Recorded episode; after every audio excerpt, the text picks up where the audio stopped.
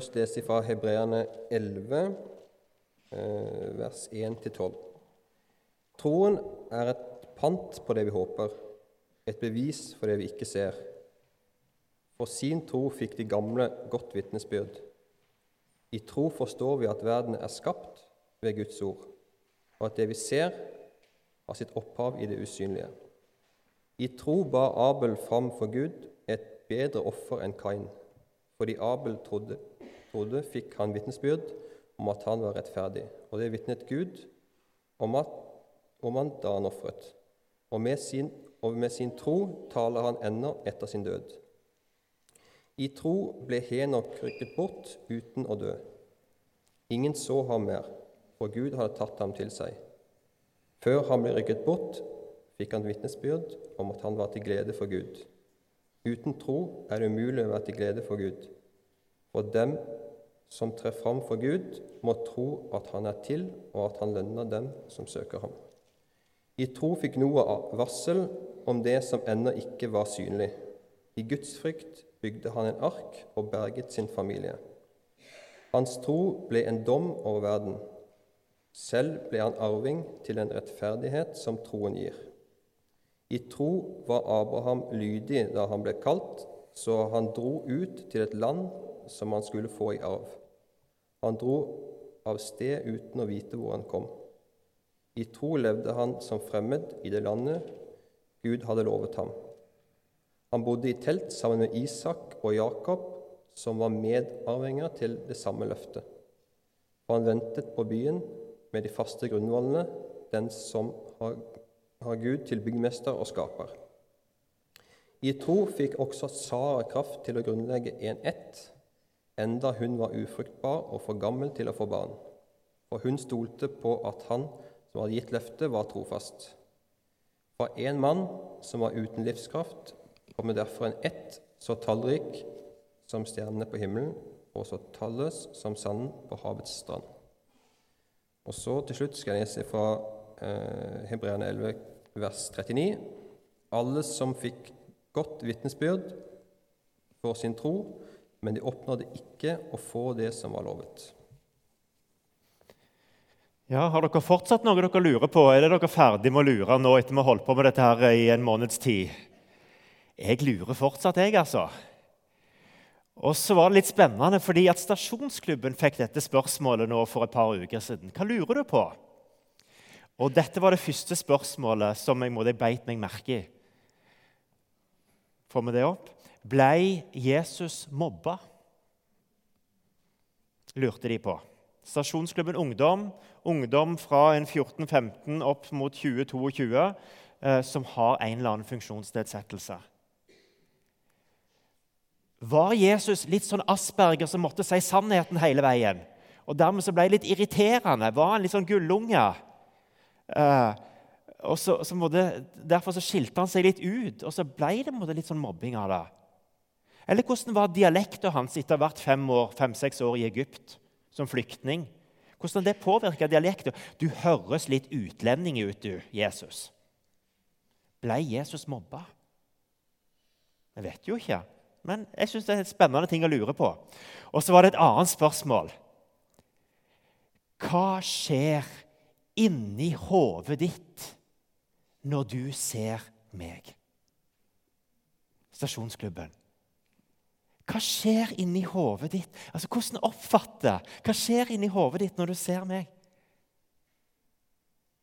Jeg synes det, er fantastisk å våge å stille sånne spørsmål. Og det er litt å undre seg på ja, hva oppfatninger er det? Hva tenker folk? Og så kan vi tenke mange positive tanker òg i det der. Og så ser vi kanskje et glimt av det i smil og øyne. Og når vi møter hverandre, så ser vi et glimt av noe der folk òg ser noe godt i oss, hos oss.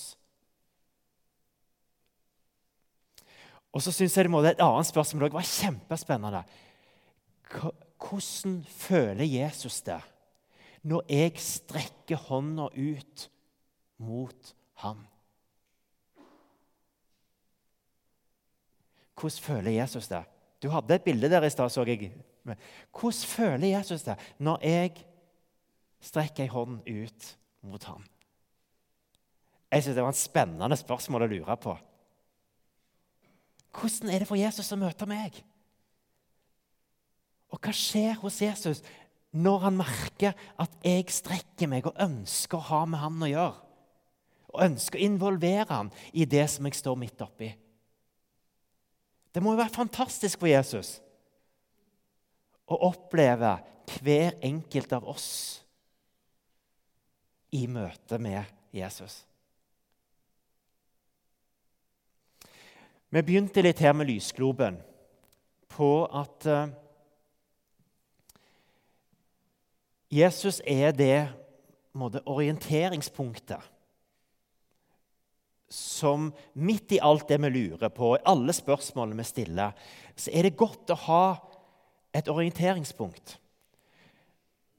Og jeg tror at det, jeg tenker jeg trenger det mest, det er for at jeg skal slippe å lure på om jeg er god nok, om jeg tror nok, om jeg er kristen nok. Det skal vi faktisk slippe å lure på. Fordi Jesus har åpna denne veien inn til Gud og gjort den så åpen at vi skal slippe å lure på om vi er gode nok eller tror nok. Men den der dukker litt opp på ulike måter i livene våre. Og så er det viktig å undre seg litt over hvorfor lurer jeg på noe som jeg slipper å lure på. Og hva skal til for at jeg virkelig skal få senke skuldrene og kjenne vet du hva, det der skal jeg slippe å lure på? I uker som har jeg tenkt Og det høres kanskje litt sånn sterkt ut, men vi har jo noen onde krefter i verden òg som ønsker å ta fra oss den tryggheten hos Jesus. Og Kanskje det er derfor det brynes litt. Ikke bare fordi det undres i oss, men fordi den onde ønsker å ta fra oss gleden av å kjenne på den friheten. Vi skal virkelig slippe å lure på om vi er gode nok eller om vi tror nok. Og Derfor blir det andre bildet både Jesus som orienteringspunkt, men Jesus som står ved siden av meg, og som ser med mine briller. Som kommer så nært i min verden at han faktisk stiller seg på sida og lurer på Oddbjørn, hva ser du gjennom dine briller? ditt verdensbilde. Og Så står Jesus der og så undrer han seg sammen med meg, både det jeg ser utover, men òg det jeg ser innover i meg sjøl. Det som rører seg langt der inne. Så kan han være en samtalepartner òg for alt det. Og En av de samtalene jeg har hatt med Gud i denne måte se med mine briller, det har vært Jeg lurer på hvorfor jeg er så lite opptatt av klima, og for hvorfor ikke jeg engasjerer meg mer. Når det er 35 000 ungdommer som skulker skolen for å gå i protest i Belgia, og så sitter jeg måtte, her på Nærbø eller Ålgård og tenker jeg håper det går bra. Og så har jeg så lyst til å reise på den ferieturen til sommeren. Gud, jeg har så lyst til å reise på den ferien. Jeg er ikke villig til å gi opp den flyreisa for klima. Og så står vi litt der og så undrer vi oss litt over det. Og så syns jeg det er befriende å, å, kjenne at Jesus som står på sida mi, ikke er ute etter å ta meg eller få meg til å skjerpe meg. Og han er faktisk ikke ute etter å gi meg svar engang. Det er som om Jesus sier ja, men dette må vi jo finne ut av framover. Men la oss undre oss litt over det. Og så hørte jeg en historie. Kollega til Jane på jobben som fortalte denne historien. Hun var 4-25 år når det skjedde. Hadde vært ute og kjørt med bilen, og så hadde hun rygget i en bil som sto parkert. Og så var det første gang hun hadde opplevd noe sånt. Så hvordan håndterer jeg denne situasjonen? Jo, hun ringer hjem til faren. 'Hei, far. Eh, det er ikke din bil, det er min bil, men eh, jeg har nå rygga inn noen her.' Og så sier faren til henne at du kan, du kan ikke bare gå fra. Du må skrive en lapp og så legge på vindusruta. Og så tar den da kontakt med deg. Og så skriver hun Kjære deg. Det var min feil. Jeg rygga på bilen din. Ring pappa. Og så nummeret til pappa. Jeg synes det, det, var, det, var, så kreativt løst! Det var en fantastisk løsning. Og så kjenner jeg litt at der er jeg i tro òg. Jeg kan ringe pappa. Altså, jeg, kan, altså, okay, jeg står midt oppi det. Sant vel? Men, men litt det der at, at, Jesus er så nær og sammen med oss, gjør at vi kan kjenne vi står ikke alene i livets utfordringer. Jeg kan ringe pappa. Jeg kan måtte ta en drøs og si ja, 'Hvordan håndterer vi dette?' Og så er det noe befriende i det. I all vår menneskelighet og i hele oss få lov til å være der sammen med vår himmelske Far. Jeg syns det er helt nydelig.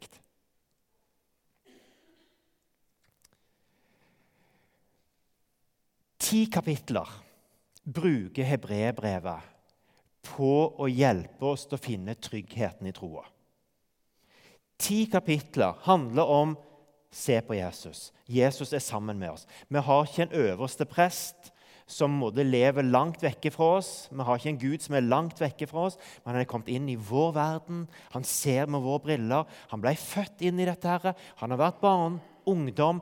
Han har sittet med ansvar for familien etter at Josef døde. Han har kjent på forpliktelsene. Og han har kjent på det å komme til kort og ikke kunne helbrede sin egen far som dør. Alt det der har han opplevd. Så det er så mye Jesus kan forstå av hvordan vi har det. Og så er det som måte, ti kapitler på en måte hva sier det? Vi har en åpen vei inn til Gud. Vi har en pappa vi kan ringe til. Derfor Og så begynner neste skrittet. Derfor, i tro, i tro Abraham, i tro Noah, i tro Sara. Og så begynner den lange oppramsinga i tro. Og så lurer jeg på hva er tro for noe? Og Jeg har mange teologiske svar på det. Men jeg utfordres enormt mye akkurat nå på hva er tro. Fordi vi har to konfirmanter som ikke er døpt. Og jeg skal samtale med de om halvannen uke. Og da koker det ned på hva, hva skal jeg forvente hos en konfirmant, 14-åring, i forhold til tro, som skal gjøre på en måte at ja, klart du kan bli døpt. Det er så mye lettere med disse små babyene som blir båret fram. Men der står en 14-åring. Og så har liturgien egentlig noen sånn, litt sånn tøffe utfordringer Uh, Iallfall kjente jeg på det nå i uka som var. Fordi på anno 2019 Vi har bare vært fire-fem stykk, men det har vært kjempespennende. Vi hadde fem kvarter der vi snakket om tro. Og undre oss sammen med to konfirmantforeldre og to andre som lurer på hva jeg tror for noe. Og Så ga jeg dem dette caset. Jeg skal ha samtale med konfirmant. Hva er tro for noe? Dere skal hjelpe meg å finne det svaret i løpet av de neste fem kvarterene. Kjempespennende samtale. Fordi liturgien er der på en måte Står jeg der som prest sammen med konfirmanten? sant vel? Ja, jeg må ta den først. da. Først, først måte spør liturgien sier Vil du sammen ved vår kristne kirke bekjenne troen på Gud som skaper, Jesus som frelser og Den hellige ånd, som knytter oss sammen i et fellesskap? Sånn? Trosbekjennelsen. Og Det som er spennende med den, synes jeg, det, det liker jeg. Det er sammen med oss alle. Du står ikke alene. Du står sammen med oss alle. Vi går inn i noe alle sammen. Den syns jeg er fin. Men så står jeg her med denne 14-åring. Tror du på Gud som skaper? Tror du på Jesus som din frelser? Tror du på Den hellige ånd, som setter deg inn i et kristent fellesskap? Nå, nå, nå, nå, sier jeg det ganske sånn direkte provoserende. Men det er litt for å sette meg inn i hvordan vi kan oppleve å stå på andre sida å få det spørsmålet. Hvordan hadde du som voksen likt å stå her? Sant? Hvis jeg hadde sagt nå, Pål, nå kommer du fram her. Sant? Og så stiller jeg i en måte, ja, det, det, er ganske sånn direkte. Og jeg tror det kan oppleves ganske ubehagelig ut for en konfirmant å stå her og få de der spørsmålene. Vil du bli døpt? Ok, Det er et enkelt spørsmål og et enkelt svar. Men, men hva er tro for noe?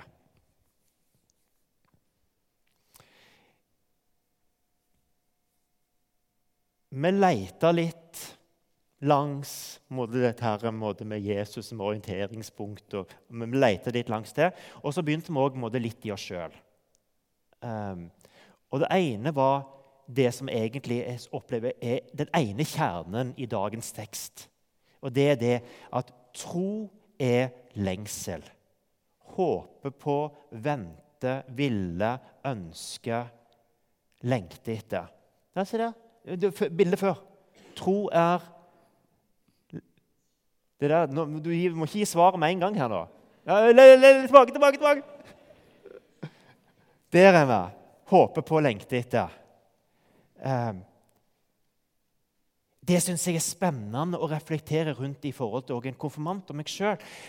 Hva er det jeg håper på og lengter etter i møte med Gud? I møte med Jesus? Du skal få være her med din lengsel, med ditt ønske, med ditt håp, i møte med Gud. Det er tro. Tro og lengsel. Du skal få være her i den kirka som konfirmant med det du håper på, lengter etter, ønsker fra Gud. Så trenger ikke det nødvendigvis være en sånn klokkeklar tro på at Gud er der, at Gud fins. Men du kan få lov til å være der med lengselen likevel. Og Jeg skulle unnt dere å være med i konfirmant hjemmegruppe. folkens. Det er utrolig spennende. Det å høre en konfirmant som måtte si nei, jeg tror ikke Gud fins, men jeg ber. Sant? Det var jo to forskjellige ganger. Men det er fantastiske spenninger i det de måtte er opp midt oppi. Jeg tror ikke at Gud fins, men så forteller de om bønnesvar og at de ber. Fantastisk motsetning, og jeg synes utrolig spennende. For det handler litt om igjen, hva, hva er det da oppfatningen av det å tro på Gud som de ikke føler de passer inn i? Det er jo litt det som skjer. Men det, du kan få lov til å være deg sjøl med din lengsel i møte med Gud. Det er tro. Og så var det en av de andre grupper som sa For jeg, måte, jeg, jeg sa jeg strever litt. Hvordan skal jeg, skal jeg, stå her og si 'Tror du på Gud, og tror du på Jesus?' Og, og så snur han det litt på hodet, og det var der den andre kom. Kanskje du skal si dette heller? Vet du hva? Når du står her, så har jeg bare lyst til å si til deg at Gud har tro på deg. Så befriende sterkt. Sånn? Jeg har bare lyst til å si når du står her Gud har tro på deg. Gud har skapt deg, Gud er glad i deg, Gud har tro på deg. Det er det som er tro. Det er det som er tro. Jeg kjente det i magen når han sa det, og jeg kjenner det nå òg. Det er jo så sterkt å få lov til å ha en sånn en tro. Gud har tro på deg. Så dere skjønner at jeg begynner å glede meg til konfirmantdåp nå. For det, det, blir, det, blir, det, blir, et annet tyngdepunkt enn det har vært før. Eh, jeg vil ikke si at det har vært helt fraværende. Overhodet ikke. Men det har vært noen nyanser i det der jeg sjøl har strevd litt med på en måte, hva er det jeg forventer av tro, av overbevisning. Og så er vi i dagens tekst. Troen er et pant på det vi håper, et bevis for det vi ikke ser. Troen er et pant på det vi håper, et bevis for, det, for det vi ikke ser. Jeg syns de norske ordene er litt krevende, litt vanskelig å få tak i. Men ta med den engelske på neste bilde. Now faith is confidence in what we hope. Sant? Altså, eh, begge disse er seriøse oversettelser. Det er ikke sånn wannabe måte, bare moderniseringer. Men det handler nok om at grunnteksten sier nok pant. Sant? Men i forhold til å gjøre det meningsfullt i dag, syns jeg på en måte confidence, trygghet eh, Hva er confidence? Sik eh, en gang til. Overbevisning. Ja, men det er mer, det er mer tillit. Confidence. Tillit. Ja, det har du. Tillit. Sånn? Når tro er tillit til det vi håper, da begynner vi å snakke om denne lengselen. sant? Tillit til det vi håper å få fra Gud, eller at Gud skal møte oss med. Og så er det assurance about what we do not see. Forsikring. Understrekning av det vi ikke ser. Det er tro. Bare ta neste bilde. Tro det vi håper, det vi ikke ser. Det vi håper, det vi ikke ser. Og den siste altså det er Denne troen de gamle får måte, Som blir på løfta fram, da, hvis du tar med det siste skriftstedet der. Alle disse altså som er ramset opp i Hebrevet 11, fikk godt vitnesbyrd for sin tro, men de oppnådde ikke å få det som var lovet. De fikk godt vitnesbyrd for sin tro, men de oppnådde ikke å få det som var lova. Og så syns jeg at Sara er et fantastisk bilde på tro. Hun som lo når Gud ga løftet om at hun skulle få et barn.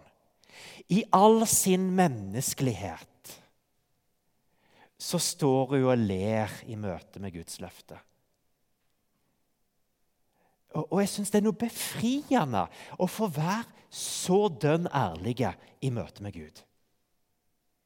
Og Sara blir et kjempeforbilde for meg nettopp i møte med dette. Og i første kor, nei, Hebreerne 11 så er det hun som løftes fram som trosforbilde. Og så sier hebreerbrevet Hvordan storyen til Sara er blitt etter hvert, det, det, det, det, kan vi ikke helt følge. Vi må gjette litt. Men hun får vitnesbyrd for sin tro fordi hun hadde tillit til at han som ga løftet, var trofast. Sånn? Altså, midt i all sin menneskelige reaksjon så velger hun likevel å tro på at Gud er trofast, og at Gud kan la et under skje, eller la ting åpnes. Og den spenningen tror jeg mange av oss òg må lære oss å leve med i forhold til tro. Altså Den her dønne ærligheten vår i møte med oss sjøl og våre egne generasjoner, hva vi lurer på og undrer på, og samtidig kunne løfte blikket og se Ja, men Gud er jo trofast.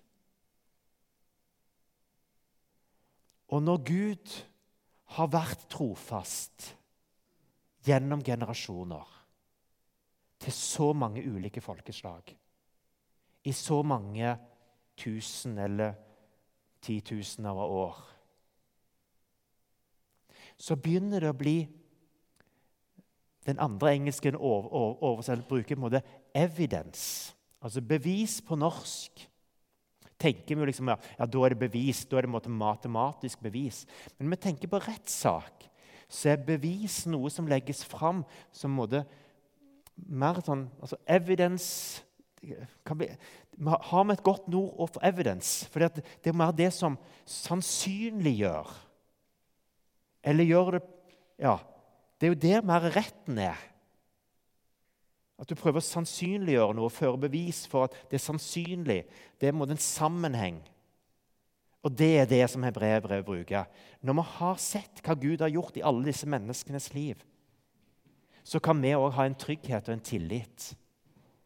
Vi kan ha et troens bevis, om du vil, på at dette er verdt å gå videre med. Vi skal snart synge en sang. Men jeg har bare lyst til å løfte fram et par vers fra den sangen. Leif Oskar oversatte jo denne engelske sangen til oss i fjor vår. Det er lengsel i vårt hjerte, Gud, å en gang få se deg slik du er. Det er en lengsel etter kjærlighet. Vi skuer mot deg i vår sjel, og Gud. Mot visdom, mot trygghet, mot fasthet led oss du i svakhet, i frykt.